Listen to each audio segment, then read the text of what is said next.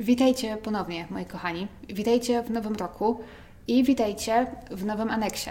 Dla tych, którzy słuchają, a nie oglądają, już tłumaczę, znowu się przeprowadziłam, znowu nagrywam z nowego aneksu. Także mamy nowy aneks, do którego się musimy przyzwyczaić. Dla wszystkich, którzy pytali, co tam u kotów i kiedy je zobaczycie, u kotów wszystko w porządku, niewiele się zmieniło. Jak widzicie, Oswald usiadł sobie za mną i będzie mi dziś towarzyszył. A dziś zajmujemy się sprawą, o którą kilku z Was już prosiło. Jest to sprawa z Kanady, z Toronto tak dokładniej, ale mimo wszystko mamy tutaj kilka polskich akcentów. Jest to zdecydowanie jedna z głośniejszych kanadyjskich spraw ostatnich lat, jak i sprawa wciąż nierozwiązana, mimo że ostatnio wyszły nowe informacje. Jest to też sprawa zdecydowanie kontrowersyjna i żałuję, że aż tak długo zajęło mi zajęcie się nią. Także już bez przedłużania weźcie sobie klasycznie jakieś piciu i zapraszam. A zatem dziś przenosimy się do Toronto, czy też dokładniej do dzielnicy znanej jako North York i do wielkiego domu pod numerem 50 przy Old Colony Road. Był piątek, 15 grudnia roku 2017. Chłodny zimowy dzień. Około 8.30 rano w tym wielkim domu pojawiły się dwie osoby. Ogrodniczka, która przechodziła tam co dwa tygodnie, co drugi piątek, aby zajmować się roślinami, oraz kobieta do sprzątania, która znów przychodziła co piątek. W szczególności wtedy właścicielom domu zależało na tym, aby utrzymać go w przyzwoitym porządku i aby się dobrze prezentował, bo od kilku tygodni był wystawiony na sprzedaż za 6,9 miliona dolarów kanadyjskich. Barry i Honey Shermanowie, bo to o nich dziś mowa, mieli w planach przenieść się do domu jeszcze większego niż ten, który sprzedawali. Byli wtedy w trakcie budowania domu w dzielnicy Forest Hill, jednej z najdroższych w Toronto. Przyciągała ich jednak nie tylko ekskluzywność tej okolicy, ale też fakt, że Barry Sherman wychował się w Forest Hill oraz że obecnie w tej dzielnicy mieszkało kilku członków ich rodziny oraz przede wszystkim ich wnuki, które podobno Shermanowie kochali nad życie. Barry i Honey, którzy wtedy mieli kolejno 75 i 70 lat, mimo że spędzili sporą część życia przy Old Colony Road, zdecydowali się przenieść bliżej swoich dzieci i wnuków i w końcu trochę zwolnić i pomyśleć o emeryturze. Dom był wielki, wielopoziomowy, łącznie liczący sobie ponad tysiąc metrów kwadratowych. W środku znajdowało się sześć sypialni, wielka kuchnia, kryty basen, sauna, kort tenisowy, garaż mogący pomieścić sześć samochodów. I tego dnia o poranku obie kobiety zabrały się do pracy, jak co dzień. Miały dostęp do domu, więc nikt nie musiał otwierać im drzwi, nikt nie musiał ich wpuszczać i pracując tego dnia nikogo nie widziały. Dom najwyraźniej był pusty. W pewnym momencie jednak ich normalna rutyna została przerwana. Gdzieś w domu zaczął dzwonić telefon komórkowy. Jedna z tych kobiet, lekko zaintrygowana, podążyła za dzwonkiem do malutkiej łazienki, która znajdowała się tuż obok kuchni. To była taka malutka łazienka składająca się jedynie z toalety i z umywalki. Tym samym była rzadko używana. I właśnie tam, na podłodze, ekranem w dół, leżał iPhone należący do Honey Sherman. Gdy kobieta podniosła go, ten przestał dzwonić. Pomyślały, że Hani najwyraźniej musiała upuścić ten telefon w łazience i wyjść z domu bez niego. Było to dziwne, ale nie nadzwyczajne. Kobieta odłożyła telefon i kontynuowała sprzątanie. Gdy znów przeniosła się na górę i zaczęła sprzątać w sypialni małżeństwa, zauważyła, że ich łóżko jest pościelone, jakby nikt w nim w nocy nie spał. To było więc drugie odstępstwo od normy tego dnia – ponieważ zwykle w piątki to ona ścieliła łóżko. Ale kontynuowała pracę, czas płynął dalej i około dziesiątej rano w domu pojawiła się agentka nieruchomości, Elise Stead. Sprzedażą domu Shermanów zajmowała się inna kobieta, Julie Gottlieb, która zresztą była długoletnią przyjaciółką Shermanów, ale że ta właśnie wzięła urlop i wyjechała z Kanady, to Elise Stead była tam poniekąd w zastępstwie. Tego dnia Elise przyprowadziła ze sobą bogatą rodzinę z Chin, która była oczywiście zainteresowana kupnem domu. Elise miała wątpliwości, czy aby na pewno przyprowadza jednak klientów we właściwym momencie. Shermanowie byli otwarci na pokazywanie domu praktycznie każdego dnia i o każdej porze, jednak mimo to Elise próbowała dać im wcześniej znać. Cały poranek usiłowała się z nimi skontaktować, lecz nie uzyskała odpowiedzi. Wpuściła jednak klientów do domu i zaczęła pokazywać im wielką posiadłość. Na początku wszystko szło dobrze. Pokazała im główne piętro domu oraz sypialnię na górze. Stamtąd ruszyli na dół. Alice chciała pokazać klientom resztę domu, garaż, który znajdował się z tyłu, pomieszczenie gospodarcze, saunę i basen. I aby dotrzeć do tej części domu, musieli przejść przez takie pomieszczenie, taką w sumie klatkę schodową, można by powiedzieć. Taki czy przedpokój. Było to pomieszczenie, które łączyło garaż oraz resztę domu, jak i miejsce, gdzie znajdował się kryty basen. Znajdowały się tam też takie kręcone schody, którymi można było dostać się na wyższe piętro domu. I gdy właśnie przechodzili przez to pomieszczenie, nazwijmy je klatką schodową, to tam na podłodze Alice zauważyła plik dokumentów. Spiętych razem. Jak się okazało, to był raport z inspekcji domu, który Shermanowie przeprowadzili po tym, gdy zdecydowali się go sprzedać, oraz męskie rękawiczki. Rękawiczki należące do Barego, jak się później okaże. Elise, niewiele myśląc, podniosła papiery oraz parę rękawiczek i położyła je na stoliku. Ruszyli dalej. Gdy przyszło do pokazania basenu, Elise musiała otworzyć automatyczne szklane drzwi, które prowadziły do środka.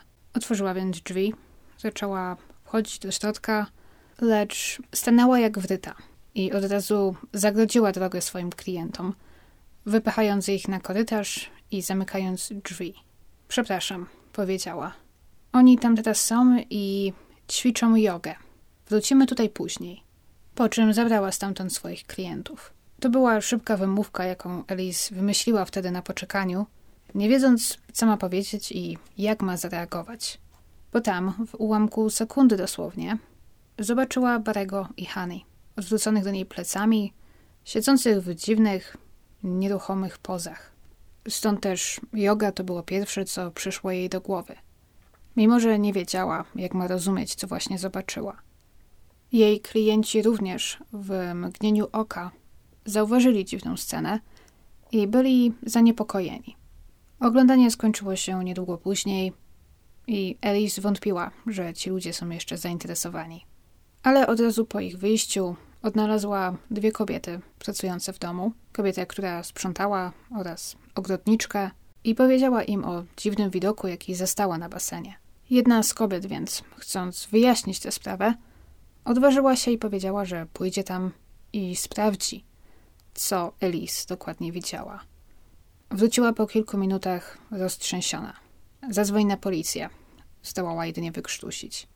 Telefon nie został jednak wykonany od razu, bo Elise, możliwie będąc w szoku, najpierw zadzwoniła do siostry Honey Sherman, bo tak się znała, że akurat znała jej siostrę. Zaczęła również dzwonić do dzieci Shermanów. I dopiero po tym wszystkim wykręciła numer 911. Zgłoszenie przyjęto o 11.43. Tak znaleziono ciała miliarderów Barego i Honey Shermanów. Zostali znalezieni siedzący obok siebie, jeżeli siedzący to jest właściwe słowo, bo na ich szyjach zaciśnięte były paski od spodni, które znów przymocowano do barierki na obrzeżu basenu. Z tego co widziałam na zdjęciach, to jest taka barierka o może jednym metrze wysokości. Taka, która jest tam po to, aby się jej chwycić, gdy wychodzimy czy wchodzimy do basenu. A więc oboje byli przywiązani za szyję do tej barierki przy użyciu paska. Oboje zostali znalezieni ubrani. Wciąż mieli na sobie płaszcze, jakby dopiero co weszli do domu. Płaszcze te były lekko zsunięte z ich ramion. Na twarzy Hani znajdowały się widoczne obrażenia, jakby kobieta została uderzona w twarz przed śmiercią. Twarz Barego znów była nietknięta. Jego okulary wciąż siedziały nienaruszone na jego nosie. I oboje właśnie znajdowali się w dziwnej pozycji, półsiedzącej, jak jest czasem nazywana, z nogami wyciągniętymi do przodu i skrzyżowanymi. Warto też może wspomnieć, że niektórym ta pozycja przypomniała rzeźbę, jaką para miała w domu. To była właśnie rzeźba przedstawiająca dwójkę siedzących ludzi. Nie było żadnych śladów włamania, żadnych wyraźnych śladów walki. Wszystko to spowodowało, że pierwsze doniesienia prasowe, mimo że niepotwierdzone przez policję, to były początkowo jedynie spekulacje, mówiły o samobójstwie lub o rozszerzonym samobójstwie. Pierwsze doniesienia mówiły właśnie o tym, że małżeństwo zostało znalezione w domu, oboje zginęli najwyraźniej przez powieszenie i że na twarzy Hani znajdowały się obrażenia. Wszystkim więc przyszedł do głowy ten sam scenariusz. Mąż zabił żonę, a później siebie. Jednak jak się zaraz okaże, jak wykaże śledztwo i autopsje, były to podejrzenia zupełnie błędne. Ale o tym zaraz, bo najpierw musimy sobie trochę pomówić o Barym i o Honey Shermanach, bo jest to zdecydowanie ważne w tej historii.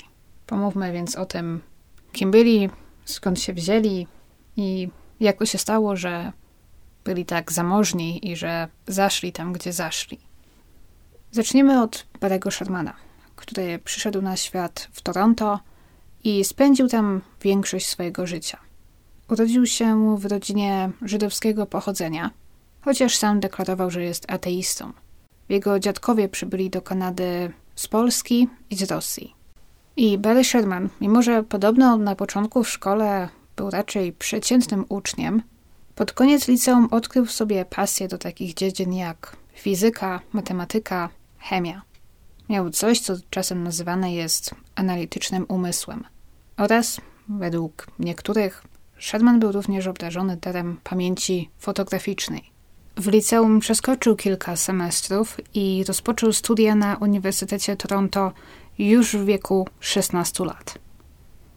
Zapisał się na inżynierię chemiczną, którą ukończył z wyróżnieniem i z najwyższymi ocenami na swoim roku.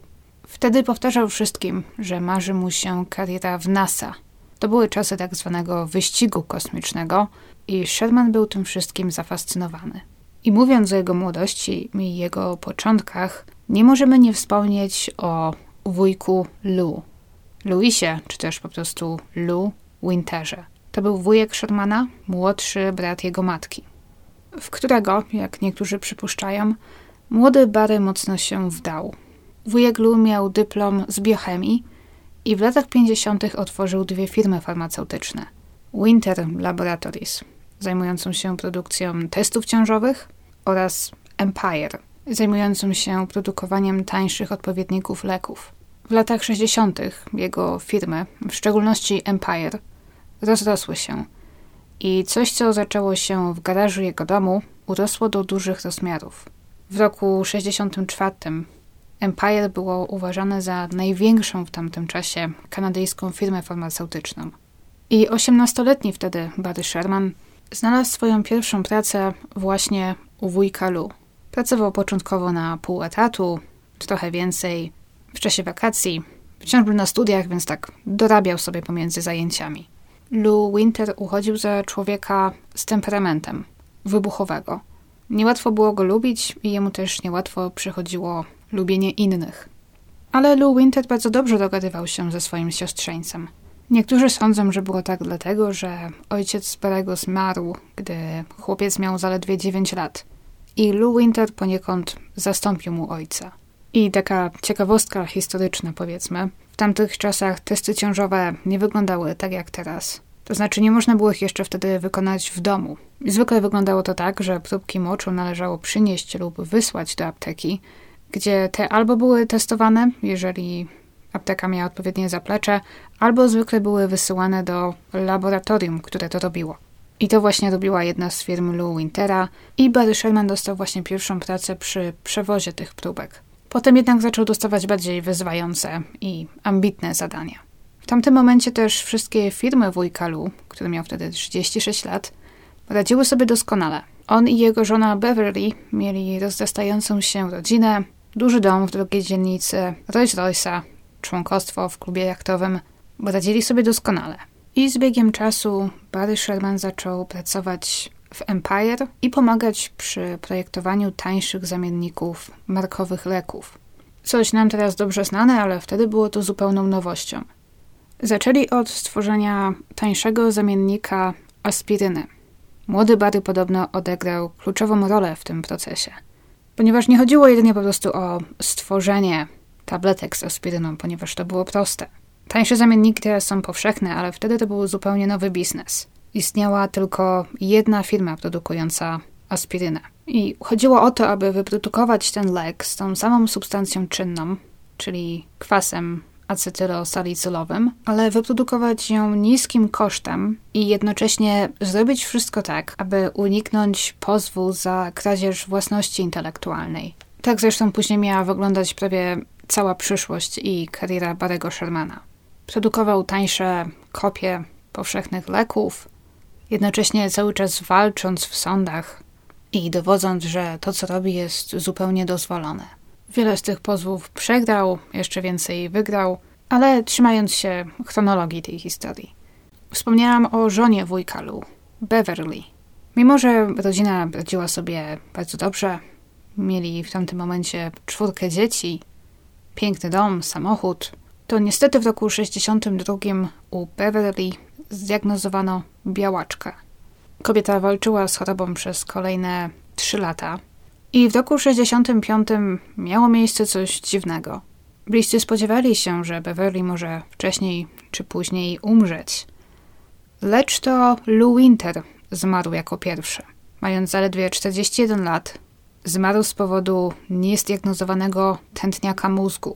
Był to wielki, niespodziewany cios dla rodziny. Cios również dla Beverly, która zmarła niedługo później, bo 17 dni po śmierci Lou Wintera dołączyła do męża. Para osierociła czwórkę małych dzieci. Wiem, że może jeszcze nie rozumiecie, dlaczego wam o tym wszystkim teraz opowiadam, ale obiecuję, to wszystko zaraz nabierze sensu. Gdy doszło do śmierci jego wujka i ciotki, Barry Sherman nie pracował już dla Empire. W tamtym czasie przebywał w Bostonie, gdzie robił doktorat z astronautyki. To wciąż był ten czas w jego życiu, gdy marzył o karierze w NASA. Później Barry zmienił jednak plany, bo dwa lata później wrócił do Toronto i wykupił firmę swojego wuja. Wykupił Empire. Firma w tamtym czasie, mimo że miała już kilka kontraktów i produkowała szereg leków, po śmierci Wintera była w tarapatach finansowych, z których to Sherman miał nadzieję ją wyciągnąć. Razem ze swoim przyjacielem z czasów nastoletnich oraz partnerem biznesowym, Joe Ulsterem, Sherman zakupił Empire za 450 tysięcy dolarów. Mężczyźni zdobyli te pieniądze, pożyczając je od swoich rodziców. Dwa lata później jednak sprzedali Empire, które zresztą niedługo później przestało istnieć. Zamiast tego Sherman i Ulster założyli swoją własną firmę. I która z założenia miała robić to samo co Empire, czyli produkować leki i skupić się przede wszystkim na produkowaniu substytutów droższych markowych leków. A w roku 1970 Barry Sherman poznał Annę Reich, która już wtedy powolała używać imienia Honey. Honey również dorastała i mieszkała w Toronto i gdy poznała 28-letniego Barry'ego Shermana, miała 23 lata i studiowała psychologię na Uniwersytecie w Toronto. Jej rodzina również była przyzwoicie zamożna. Może nie tak jak rodzina Shermana, ale radzili sobie nie najgorzej. Zwłaszcza w porównaniu do tego, jak zaczęli. Bo Honey przyszła na świat w nie najweselszych warunkach. Bo w obozie dla uchodźców w Austrii, niedługo po zakończeniu II wojny światowej. Jej rodzice, Naftuli i Helen, przetrwali w obozie koncentracyjnym – na terenie Polski, lecz nie znalazłam dokładnie w którym. I po wojnie, w latach 50., rodzina przeniosła się do Kanady, gdzie rodzice Hani otworzyli sklep z butami, który z czasem zapewnił im przyzwoite życie. Po roku znajomości Barry i Hani pobrali się. I w następnych dekadach Apotex zaczął radzić sobie coraz lepiej. Wielu uważa, że właśnie dzięki Baremu Shermanowi. Obecnie Apotex jest jednym z największych kanadyjskich producentów leków. Tak z ciekawości sama obejrzałam leki, które mam w domu i właśnie okazuje się, że wiele z nich zostało wyprodukowanych przez Apotex właśnie. Dzięki temu wszystkiemu Barry i Honey w roku 1985 wprowadzili się do wielkiego domu przy Old Colony i spędzili w nim kolejne trzy dekady swojego życia. Tam też wychowali czwórkę swoich dzieci: Aleksandrę, Lorin, Jonathana i Kaylin. I w momencie śmierci Barry i Honey żyli w domu zdecydowanie zbyt dużym dla ich dwójki. Bo w roku 2017 oczywiście ich dzieci były już dorosłe, miały własne życia i dawno wyprowadziły się z domu. Lecz mimo to Shermanowie wciąż planowali przynieść się do domu znacznie większego, domu, który wtedy budowali. Jednak życie w tak dużym domu było w pewnym sensie w ich życiu anomalią, bo poza domem ich zamożność nieszczególnie rzucała się w oczy. Hani jeździła dziesięcioletnim Lexusem, a Barry poobijanym Mustangiem, którego kupił jeszcze w latach dziewięćdziesiątych.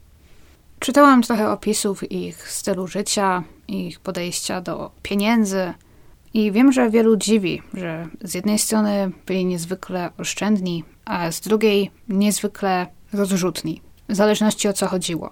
Mam jednak wrażenie, że może to być typowe dla kogoś, kto na przykład wychował się w biedzie i wzbogacił dopiero później.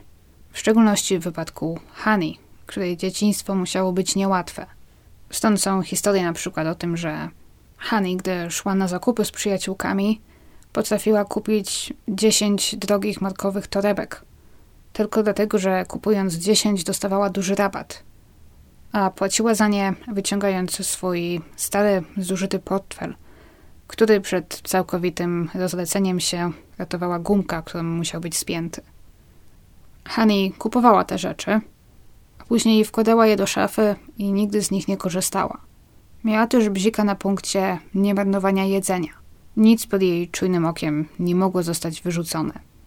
Podobnie było z Barem, który trzymał się swojego poobijanego dwudziestoletniego samochodu, utrzymując, że będzie nim jeździł, dopóki działa, dopóki się nie rozpada i że nie ma sensu kupować kolejnego. W pracy pojawiał się w starych dżinsach i podkoszulku. Powtarzał swoim pracownikom, że nie ma jej sensu, aby i oni nosili garnitury do pracy, czy aby się w ogóle elegancko ubierali. Ważna była jakość ich pracy, a nie ich wygląd zewnętrzny. Gdy Barry gdzieś wyjeżdżał, zwykle latał klasą ekonomiczną. Żartował, że nie lubi wydawać pieniędzy na takie rzeczy i że jeżeli linie lotnicze kiedyś pozwolą pasażerom wykupować miejsca stojące, które będą tańsze niż siedzące, to on chętnie skorzysta. Z drugiej strony jednak był właśnie w trakcie planowania i budowy domu. Domu, który miał być wielkości małego centrum handlowego, z dwoma basenami, siłownią, sauną itd. Tak w momencie śmierci szacowano, że Barry Sherman jest 15 najbogatszym człowiekiem w Kanadzie, a roczne przychody Apoteksu szacowano na około 1,6 miliarda dolarów amerykańskich. Wtedy jednak, tak samo jak i teraz, jest to wciąż firma prywatna, niepubliczna, więc ich dokładne przychody, dokładne statystyki nie są znane. Honey i Barry Sherman byli też filantropami. Honey zasiadała w radach wielu organizacji charytatywnych. Pieniądze, które przekazywali na szczytne cele na przestrzeni lat, idą oczywiście w miliardy. I tutaj jeszcze mała polska ciekawostka. Honey od czasu do czasu latała do Krakowa, aby pojechać do Oświęcimia i wziąć udział w czymś, co nazywa się Marsz Żywych. To jest takie coroczne wydarzenie mające na celu uczczenie pamięci ofiar Holokaustu, jak i edukację. Poza tym para angażowała się też politycznie. Między innymi pomagali finansować kampanie polityków, których popierali. Stąd też na ich pogrzebie pojawił się innymi Justin Trudeau, premier Kanady, również minister prowincji Ontario, wielu senatorów, burmistrz Toronto i tak. A zatem o takich ludziach mówimy, jeżeli chodzi o Parego i Hany Shermanów. Wpływowych, z mnóstwem pieniędzy, znajomości i co za tym zwykle idzie, również z mnóstwem wrogów. Było kilka osób, które w szczególności Barego Shermana szczerze nie znosiły, ale o tym jeszcze zaraz. Bo pomówmy teraz trochę o śledztwie i o tym, co zdołano ustalić. Barry i Honey byli po raz ostatni widziani we środę, 13 grudnia, dwa dni przed tym, jak znaleziono ich ciała. Autopsja potwierdziła, że przyczyna śmierci była taka, jak na początku zakładano, czyli uduszenie. Spekuluje się, że Barry i Honey zostali uduszeni, prawdopodobnie przy użyciu tych pasków, po czym ich ciała powieszono w ten dziwny sposób na metalowej barierce przy basenie. I z tymi paskami to jest też ciekawa sprawa, bo nie jest jasne na 100% skąd te paski się wzięły, lecz najprawdopodobniej oba należały do Barego. Bo bliscy pamiętają, że Hani jakiś czas wcześniej kupiła dwa paski na przedzenie w prezencie dla Barego za jedyne 9,99, jak się podobno chwaliła. Stąd też niektórzy to zapamiętali. I tamtego dnia właśnie Barry miał na sobie jeden z tych pasków, znaczy miał go na spodniach, ale gdy został znaleziony, to był bez paska u spodni. I przypuszcza się, że w którymś momencie właśnie jego pasek został zdjęty i zawiązany mu na szyi. Drugi, chyba identyczny pasek, był przywiązany do szyi Honey. Przypuszcza się, że to był właśnie ten drugi pasek z tego dwupaku, który Honey kupiła. A to znaczy, że sprawca czy sprawcy musieli w którymś momencie przeszukać dom pary i znaleźć ten pasek. Barry prawdopodobnie trzymał go w sypialni. To oznacza, że ktokolwiek zabił Shermanów, przyszedł tam bez narzędzia zbrodni, co niektórzy uważają za dziwne. I stąd też pojawiło się to błędne przypuszczenie na początku, że nie było to morderstwo, a rozszerzone samobójstwo. W szczególności, że popełnienie samobójstwa w taki sposób, to znaczy powieszenie się na tak niskiej barierce, która ma zaledwie metr wysokości, jest trudne do wykonania, przypuszczalnie niemożliwe. Poza tym w organizmach ofiar nie znaleziono śladów alkoholu ani narkotyków. I tutaj możliwie jedna z ważniejszych rzeczy. Na nadgarstkach zarówno Hani, jak i Barego zauważono ślady, tak jakby para wcześniej była przez jakiś czas związana. Widać było takie otarcia, prawdopodobnie od jakiegoś sznurka lub opaski. Natomiast para nie została znaleziona ze związanymi rękami, jak i nigdzie w pobliżu czy w domu nie znaleziono niczego, czym wcześniej mogli być związani. Co może wskazywać na to, że ktoś związał ich na jakiś czas, po czym przed opuszczeniem miejsca zbrodni zdjął ten sznur czy opaski i zabrał ze sobą. Poza tym na twarzy Honey Sherman zauważono obrażenia, które musiały zostać jej zadane albo tuż przed śmiercią, albo w momencie śmierci, albo krótko po, ponieważ jej twarz nosiła ślady jakiegoś uderzenia, lecz nie doszło do zasinienia. Aby śniaki powstały, krew wciąż musi krążyć w żyłach. Nie wiadomo, co dokładnie spowodowało ślady na jej twarzy. Są przypuszczenia, że została czymś uderzona, ponieważ na przykład stawiała opór, lub że ślady te powstały już po jej śmierci, lub gdy Honey była nieprzytomna i gdy ktoś przypuszczalnie ciągnął jej ciało po podłodze, aby właśnie umieścić je koło basenu. O tym, jak najwyraźniej doszło do ich śmierci, jak to wszystko przebiegło, o tym sobie jeszcze zaraz pomówimy.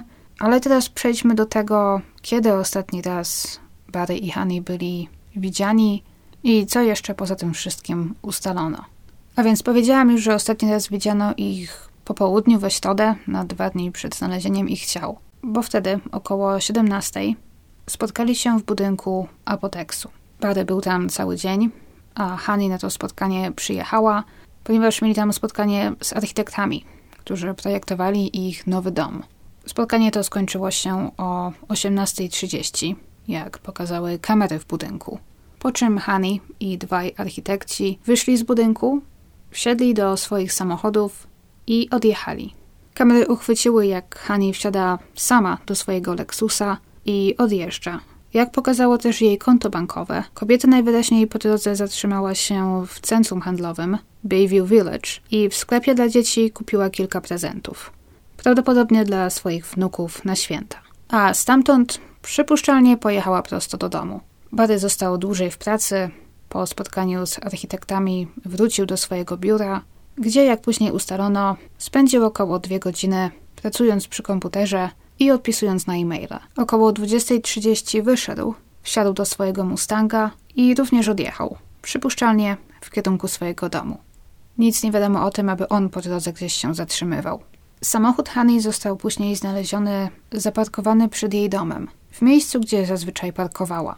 Hani wolała zostawiać swój samochód na zewnątrz, nie lubiła wjeżdżać do garażu. W garażu został znaleziony za to Mustang Barego, gdzie ten też go zwykle parkował. Wiele więc wskazuje na to, że oboje bezpiecznie wrócili do domu, ale po powrocie do domu nie byli już nigdy więcej widziani ani z nikim się nie kontaktowali. Nie było też już żadnej aktywności na ich e-mailach czy kontach bankowych. Dlatego też przypuszcza się, że zginęli tamtej nocy, ze środy na czwartek. To też zdają się popierać ich ubrania, ponieważ oboje zostali znalezieni ubrani w te same rzeczy, które mieli na sobie we środę po południu. Poza tym zostali też znalezieni w płaszczach, wciąż ubrani w płaszcze, które były lekko zsunięte z ich ramion. Co wygląda trochę tak, jakby zostali zaatakowani właśnie od razu po wyjściu do domu. Na dodatek, w czwartek rano Honey Sherman miała spotkanie właśnie z jedną z organizacji charytatywnych. Spotkanie, na którym się nie pojawiła. Również coś nietypowego dla niej.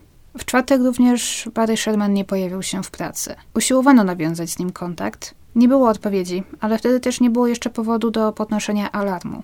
Jeżeli właściciel firmy, który był już jedną nogą na emeryturze, nie miał ochoty tego dnia pojawiać się w pracy, to miał do tego prawo. I jeżeli chodzi też o czwartek, to tamtego dnia kamera w domu ich sąsiadów nagrała coś ciekawego ponieważ tutaj też swoją drogą Shermanowie monitoringu w domu nie mieli.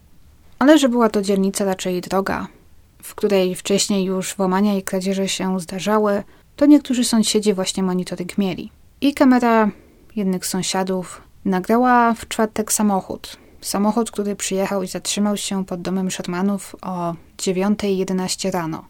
Wysiadł z niego mężczyzna, który podszedł do domu, podszedł w kierunku drzwi wejściowych, ale co działo się dalej, nie wiadomo, ponieważ ta kamera oczywiście miała obejmować nie posesję Shermanów, lecz ich sąsiadów. I tylko przypadkiem obejmowała fragment ich podjazdu, który gdzieś tam w tle był widoczny.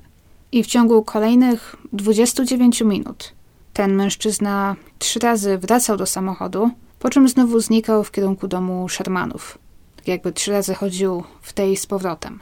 W końcu jednak jakby poddał się, wsiadł do samochodu i odjechał z powodu niskiej jakości nagrania oraz tego, że nie jest to coś, co dzieje się gdzieś na pierwszym planie, a raczej gdzieś tam w tle, nie da się w ogóle rozpoznać twarzy tego mężczyzny, ani nawet marki samochodu, nie mówiąc już o tablicach rejestracyjnych czy czymś takim. Wiadomo jedynie, że jest to jakiś czarny samochód. I do niedawna nie było pewne, czy ten mężczyzna został przez policję zidentyfikowany, czy nie. Możliwe oczywiście, że on nie miał z tym nic wspólnego, że po prostu próbował skontaktować się z Shermanami z jakiegoś powodu i podczas tych 29 minut po prostu kręcił się pod drzwiami, dzwonił dzwonkiem i tak dalej. W końcu poddał się i odjechał. To nagranie nigdy nie zostało upublicznione, natomiast wiadomo o nim, ponieważ ci sąsiedzi po prostu opowiedzieli o nim prasie. Natomiast stosunkowo niedawno, ponieważ w sumie w czasie, gdy już robiłem research do tej sprawy, zwołano konferencję prasową 14 grudnia, i z tej konferencji wynika najwyraźniej, że ten mężczyzna nagrany w czwartek został chyba zidentyfikowany, ponieważ podczas tej konferencji powiedziano, że udało się zidentyfikować wszystkich ludzi, którzy zostali uchwyceni na różnych nagraniach z monitoringów w czasie, gdy prawdopodobnie Shermanowie zginęli. Zidentyfikowano wszystkich i wszyscy mieli powody, aby tam być i nie są podejrzani. Wszystkich poza jednym mężczyzną, prawdopodobnie mężczyzną, który do dziś nie został zidentyfikowany. I właśnie 14 grudnia po raz pierwszy to nagranie zostało upublicznione. Jak wyjaśniono, ten mężczyzna pojawił się w okolicy w czasie, gdy Shermanowie zginęli. Na nagraniu widać, że jest to wieczór lub noc, ponieważ jest ciemno, więc przypuszczam, że było to właśnie gdzieś we środę w nocy lub w czwartek nad ranem. Pokażę Wam kilka zdjęć tego mężczyzny, prawdopodobnie mężczyzny. Z jego sylwetki przypuszcza się, że jest to mężczyzna, natomiast ponieważ jest cały ubrany od stóp do głów, w końcu jest zima, to nie możemy być tego tak do końca pewni. Nie mówiąc już oczywiście o tym, że w ogóle nie widać na tym nagraniu twarzy tej osoby. Natomiast policja wypuściła to nagranie w nadziei, że ktoś tego człowieka rozpozna. Wyjaśnili, że chcieliby ustalić jego tożsamość i sprawdzić jego alibi, i że na chwilę obecną, ponieważ zupełnie nic o nim nie wiedzą, traktują go jako możliwie podejrzanego, ale że nie są tego zupełnie pewni. Poprosili, że jeżeli ktoś może rozpoznaje na nagraniu albo siebie, bo wtedy był w tej okolicy, albo może kogoś, kogo zna, to proszą o kontakt. Zwrócili też uwagę, że chód tego człowieka jest dosyć specyficzny i że to też może pomóc w jego rozpoznaniu. Pojawiły się też słowa krytyki, że policji trochę zbyt długo, bo 4 lata zajęło upublicznienie tego nagrania. Ale przechodząc dalej, pomówmy o tym, co najprawdopodobniej wydarzyło się w nocy ze środy na czwartek, na podstawie tego wszystkiego, co wiemy. Honey wróciła do domu najwyraźniej przed barem. Przypuszcza się, że była w domu najpóźniej około 20. Że zaparkowała tak jak zawsze, wysiadła z samochodu i że została zaatakowana przed domem, albo niekoniecznie, może ktoś przed domem na nią czekał. To mógł być ktoś, kogo znała, ktoś, kto coś od niej chciał, albo ktoś, kto może podał się za jakiegoś reprezentanta czegoś, jakiegoś pracownika, policjanta, faceta od prądu, gazu, coś w tym stylu. Ktoś, kto wprosił się na przykład do domu. Ktoś, kogo Hani nie bała się w żaden sposób wpuścić do środka. Stąd też brak śladów włamania. Osoba ta weszła do domu z Hani i gdy zamknęły się za nimi drzwi, sprawca zaatakował Hani. Lub inny scenariusz, ktoś po prostu gdzieś tam skradł się za nią, może gdzieś schował się za krzakiem w momencie, gdy Hani otwierała drzwi i zaatakował ją, rzucił się na nią, wciągając ją do domu. Przypuszcza się, że to jest bardziej prawdopodobne niż to, że ktoś już na nią czekał w środku, ponieważ znów, z tego co wiemy, dom był zamknięty i nie było żadnych oznak włamania. Ale z drugiej strony też ten dom miał podobno oczywiście więcej niż jedno wejście. Gdzieś czytałam, że bodajże co najmniej sześć, więc przypuszczam, jest tam jakieś prawdopodobieństwo, że po prostu któreś z tych drzwi były otwarte, nie były zamknięte na klucz. Zwłaszcza zważywszy na to, że Barry i Hani zdawali się jakoś zbytnio bezpieczeństwem nie przejmować. Ale tak, przypuszcza się, że po wejściu do domu Hani została zaatakowana i że najwyraźniej próbowała uciec. I że może chciała skronić się w tej niewielkiej łazience, która właśnie znajduje się blisko wejścia do domu. Tej łazience, z której to rzadko korzystała. Stąd też tam znaleziono jej telefon. Możliwe, że Hani próbowała wezwać pomoc. W tamtym momencie Hani została albo unieruchomiona, albo pozbawiona życia. Ciężko powiedzieć.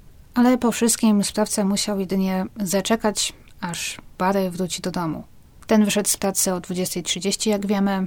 Droga do domu zajmowała mu około 20 minut, więc pewnie gdzieś przed 21 przyjechał, wjechał do garażu, zaparkował tak jak zawsze.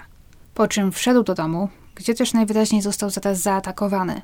W tym miejscu, gdzie później w piątek agentka nieruchomości znalazła rozrzucone papiery i rękawiczki. Niestety Shermanowie, jak już powiedzieliśmy, nie mieli żadnego monitoringu, nie mieli też żadnego systemu alarmowego.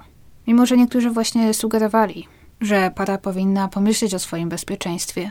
Sądzili nawet, że Barry powinien zainwestować w ochroniarza. Nie wierzę w te rzeczy, odpowiadał zawsze Barry.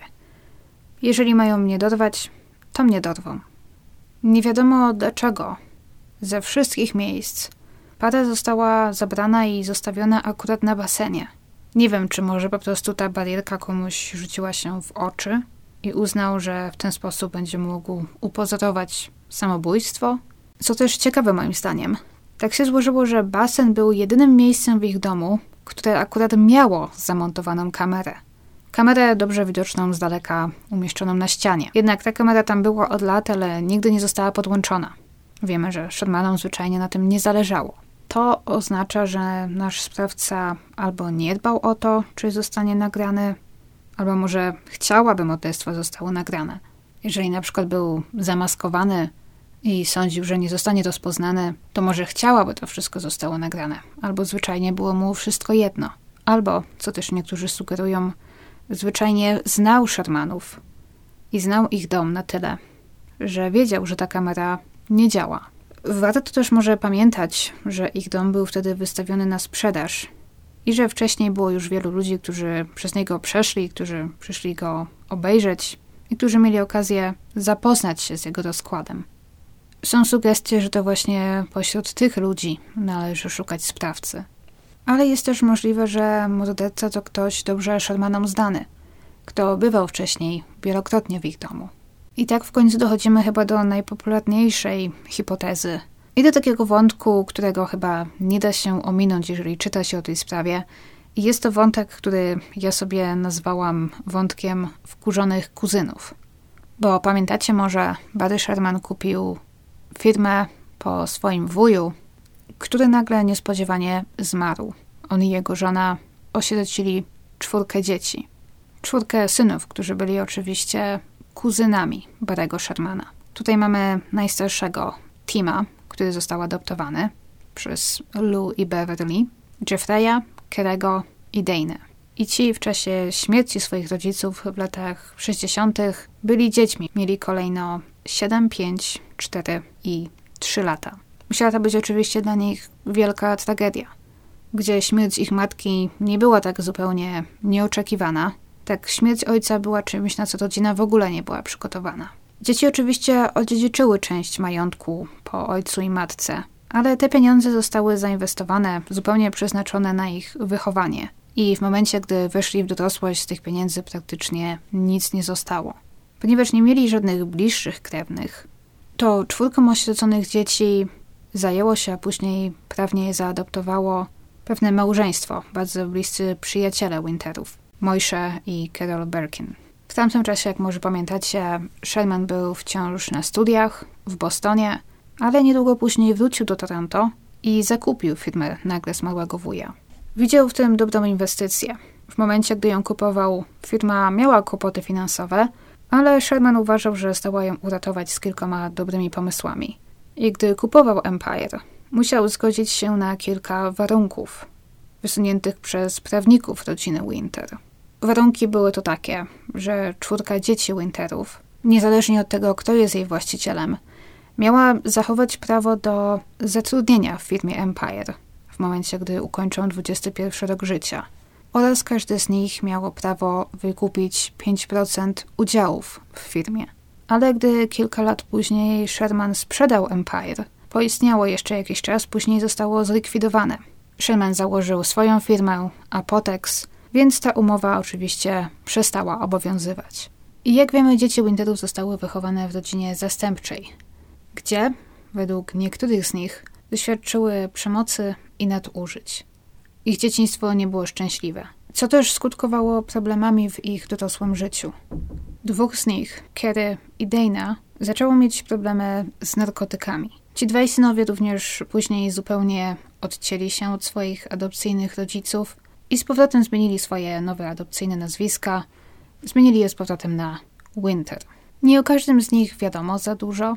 Najmniej wiadomo chyba o najstarszym z nich, o Timie, który zdaje się przetrwał dzieciństwo i zdołał uchronić się przed poważniejszymi problemami.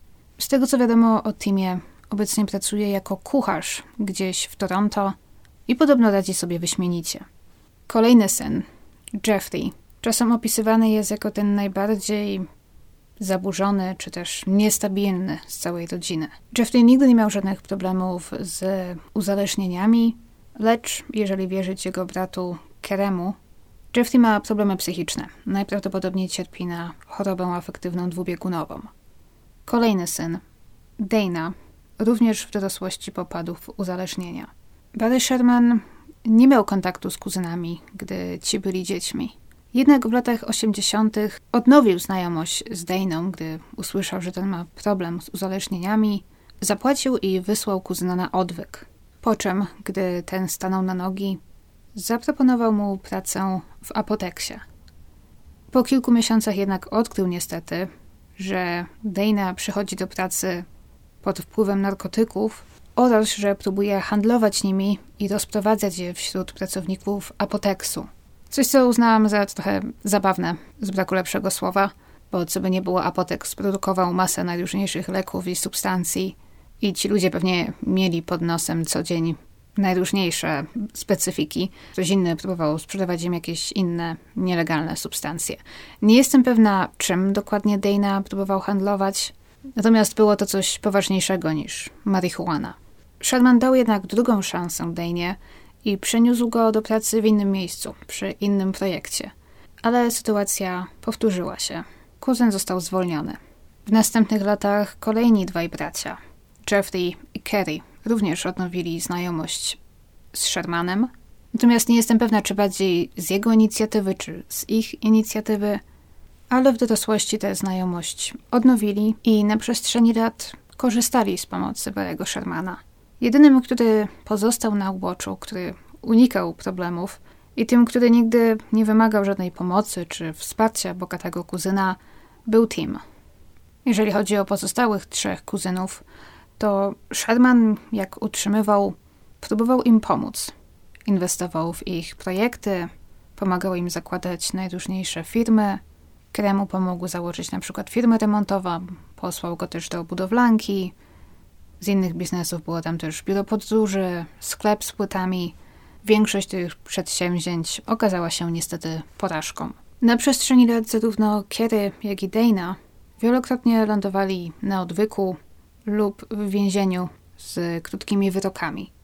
Jeffrey Winter nie miał problemów z prawem czy z używkami, lecz z powodu zaburzeń psychicznych kilka razy był hospitalizowany. Barry Sherman starał się jednak podobno utrzymywać znajomość z kuzynami.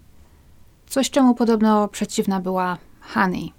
I coś jeszcze z takich może trochę pobocznych wątków i coś, co przypuszczam nie ma bezpośredniego wpływu na sprawę – ale wydaje mi się, jest to też warte wspomnienia, ponieważ jest to też powrót w tereny, które już dobrze znamy, bo w tereny autostrady West w północnej Kolumbii Brytyjskiej, bo Dana Winter, po tym gdy w latach 90. został wyrzucony z apoteksu za narkotyki, przeniósł się na zachód kraju, do Kolumbii Brytyjskiej właśnie, w poszukiwaniu pracy i szczęścia.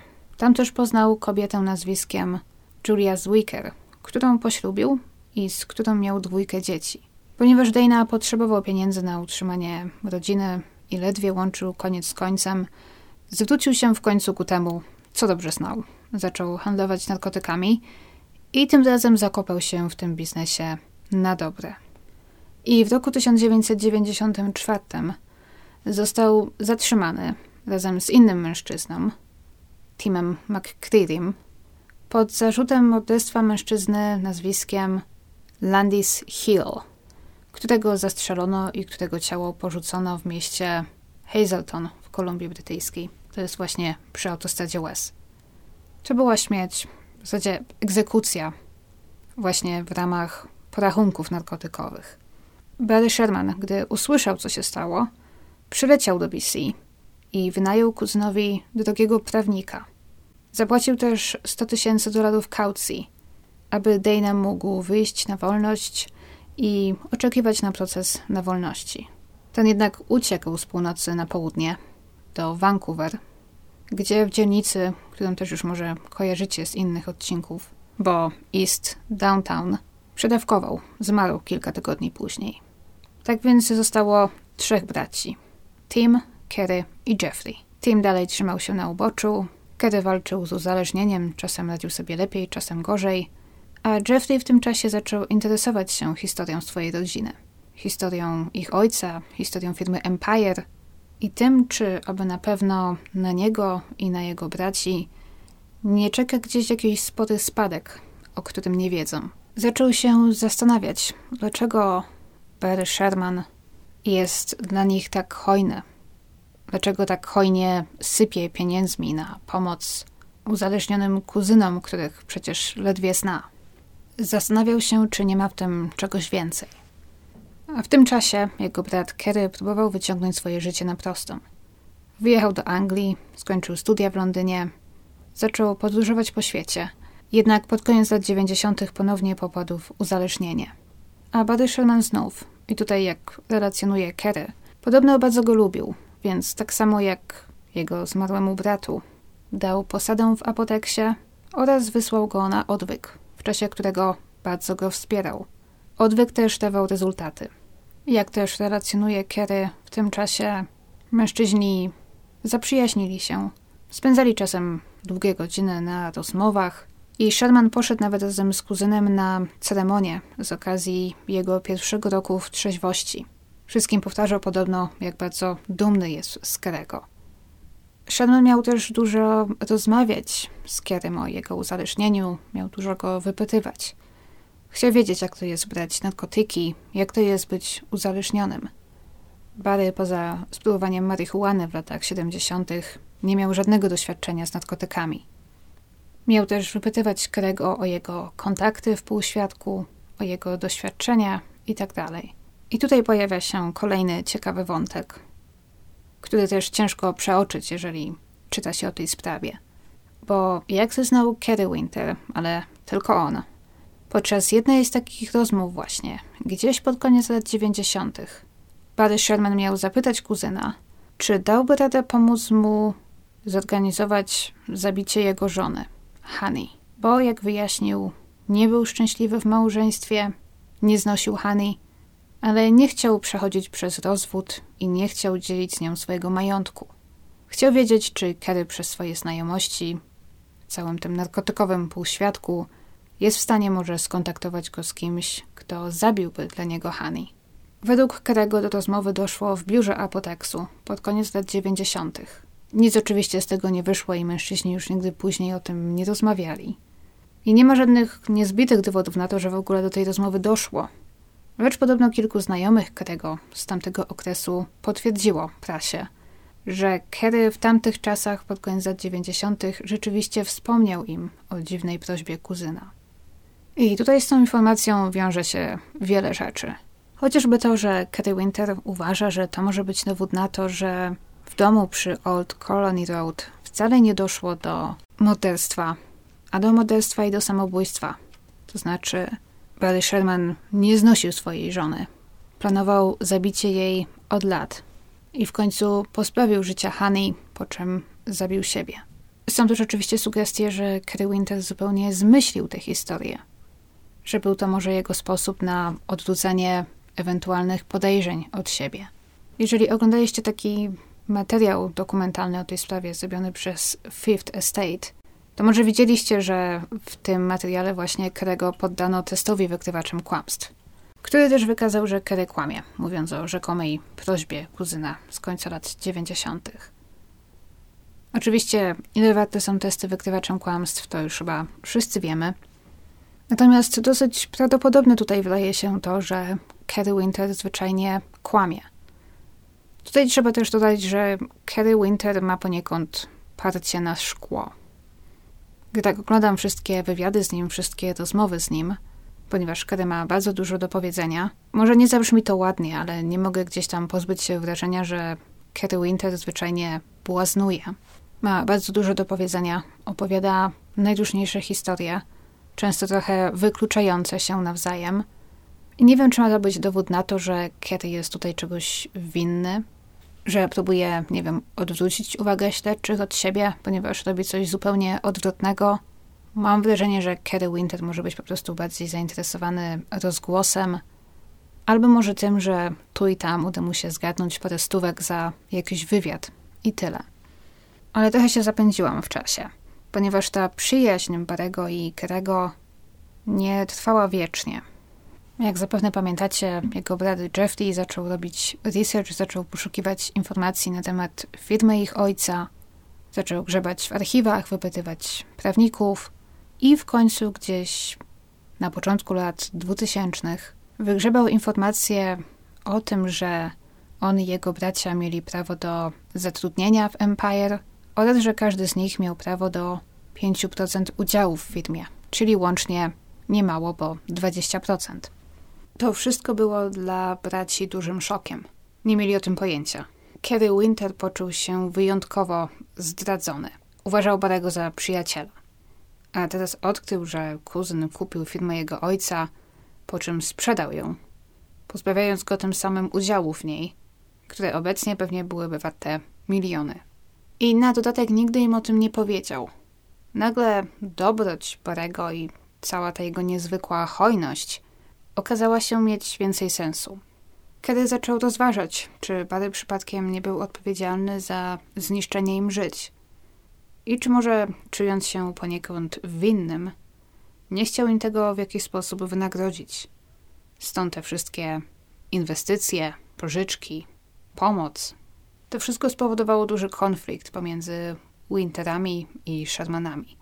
W roku 2007 Jeffrey, Kerry, Tim i Julia, żona zmarłego w 1994 roku Dane, pozwali Barry'ego Shermana i Apotex na łączną sumę 1 miliarda dolarów. Wyliczyli to na podstawie tego, ile Apotex przypuszczalnie zarobił w ciągu ubiegłych lat i ile przysługiwałoby im, gdyby istotnie byli udziałowcami i gdyby każdy z nich był uprawniony do 5%, jak zakładała umowa z lat 60. Była to sprawa skomplikowana, ponieważ ta umowa dotyczyła oczywiście Empire, a nie Apotexu. Empire już nie istniało. Apotex było zupełnie nową firmą założoną przez Shermana, do której Winterowie na papierze nie mieli żadnych praw. Ale ci dowodzili, że Sherman wszystko, co zdobił, to po prostu sprzedał Empire, po czym otworzył Apotex praktycznie na wzór Empire, ponieważ Apotex również zajmuje się produkcją głównie tańszych odpowiedników leków. Więc ktoś mógłby tutaj oskarżyć Barego Shermana poniekąd o kradzież pomysłu swojego wujka. Sprawa w sądzie ciągnęła się latami. W końcu we wrześniu roku 2016, a więc na kilka miesięcy przed śmiercią Shermanów, sąd wydał decyzję, że roszczenia dzieci Lou nie mają żadnych podstaw prawnych i że tym samym Barry Sherman nie jest im niczego winien. Mało tego, Winterowie są zmuszeni pokryć częściowo koszty sądowe poniesione przez Barego Shermana, ponieważ ciągali go po sądach przez 10 lat. Poza tym też Barry Sherman, zły na kuzynów i na cały ten pozew i na to wszystko, co mu zgotowali, zaczął również dopominać się zwrotu pieniędzy, które na przestrzeni lat im pożyczył. Wtedy to miało być niby na takie wieczne nieoddanie. Ale gdy ich relacja legła w gruzach, Sharman zaczął się dopominać zwrotu tych pieniędzy. Wyraźnie więc widać chyba, że wszyscy bracia Winter mogli mieć tutaj mocny motyw finansowy. I śmierć Barego Shermana, jak i Honey najwyraźniej są im na rękę. Tutaj jeszcze dodatkowo we wszystkim miesza Kerry Winter, który, jak już mówiliśmy, udziela wywiadów, opowiada czasem troszkę niestworzone historie. W jednym wywiadzie powiedział nawet, że w przeszłości marzył o zabiciu swojego kuzyna. Potem, gdy odkrył, że Sherman poniekąd pozbawił ich ich dziedzictwa, fantazjował o zaatakowaniu parego Shermana, zaatakowaniu go na parkingu Apoteksu, gdy ten wychodzi z pracy. Powiedział, że wyobraził sobie, jak ucina Baremu Shermanowi głowę. Podobno też rozmawiał o tym ze swoim terapeutą. Znów nie wiem, dlaczego Kerry Winter uznał za dobry pomysł, aby podzielić się takimi szczegółami z prasą. Ciężko powiedzieć, co nim motywuje, ale osobiście uważam, że Kerry Winter może po prostu chcieć uwagi i ewentualnie pieniędzy, jakie z tego wypływają. A zapytany o swoje alibi na noc, gdy Shermanowie zginęli, odpowiedział, że cały dzień był w pracy. Jest kierownikiem w firmie budowlanej po czym wieczorem pojechał na terapię grupową dla uzależnionych. Wrócił do domu, obejrzał odcinek Peaky Blinders na Netflixie i poszedł spać. Jego obecność na terapii grupowej tamtego dnia została oficjalnie potwierdzona. Ale ponieważ Winter mieszka sam, nikt nie może potwierdzić, że ten istotnie po terapii pojechał prosto do domu i że nigdzie potem już nie wychodził. A zapytany przez dziennikarzy z Fifth Estate, czy weźmie udział w kolejnym teście wykrywaczem kłamstw. Aby zweryfikować swoje alibi, tym razem odmówił. Czy też może raczej odmówił jego adwokat, który po prostu to swojemu klientowi odradził. Nic nadzwyczajnego, praktycznie każdy adwokat odradza to swoim klientom. A zatem bracia Winter zdają się tutaj mieć mocny motyw. Ale oczywiście, gdy mówimy o takiej fortunie, o takiej rodzinie, to jasne jest, że nie tylko oni czerpią zyski ze śmierci Shermanów. Są też informacje m.in. o siostrze Honey Sherman, Mary, która podobno po ich śmierci opowiadała wszystkim na prawo i lewo, że przed swoją śmiercią Honey obiecała jej 300 milionów dolarów w prezencie. Oczywiście nie ma żadnych dowodów, że Honey rzeczywiście coś takiego obiecała, czy że podjęła jakieś kroki, aby siostrze takie pieniądze sprezentować. Więc oczywiście każdy, kto gdzieś tam był blisko nich, próbuje chyba teraz jakoś na tym zyskać. Do tego wszystkiego dochodzą jeszcze oczywiście wszyscy inni bliżsi deszli członkowie rodziny, w tym czwórka dzieci Sharmanów. Wszyscy po śmierci rodziców oczywiście odziedziczyli fortunę. Każdy z nich mógł mieć jakiś motyw. A oczywiście poza bliskimi i tak dalej dochodzą jeszcze wszyscy wrogowie Barego Shermana. Wrogowie biznesowi powiedzmy. Bo są takie hipotezy, że to tak zwana Big Pharma zabiła Barego i Honey. Że jakaś marka, albo może kilka marek produkujących te droższe, oryginalne leki postanowiła usunąć Barego Shermana, ponieważ ten rujnował im biznes swoimi tańszymi zamiennikami. Ale jedyny problem w tej hipotezie jest taki, że Barry Sherman szykował się na emeryturę. W tamtym momencie wciąż pracował w apoteksie i wciąż podejmował decyzje. Wciąż był oczywiście właścicielem i założycielem, ale apotek w tamtym czasie miał już swojego dyrektora i tak dalej. I generalnie firma istnieje dalej, bez Barry'ego Shermana i robi dalej to, co robiła. Pozbawienie jego życia niczego nie zmieniło. Były też hipotezy, że Barry Sherman mógł niechcący zamieszać się w jakieś porachunki, ponieważ na jakiś czas przed swoją śmiercią zaczął poważnie interesować się i inwestować w produkcję fentanylu w Stanach Zjednoczonych. To jest środek przeciwbólowy z grupy opioidów, który niewłaściwie stosowany powoduje uzależnienie i generalnie z tego co wiem w Kanadzie przynajmniej jest dosyć kontrowersyjny, ponieważ uzależnienie od fentanylu staje się dużym problemem.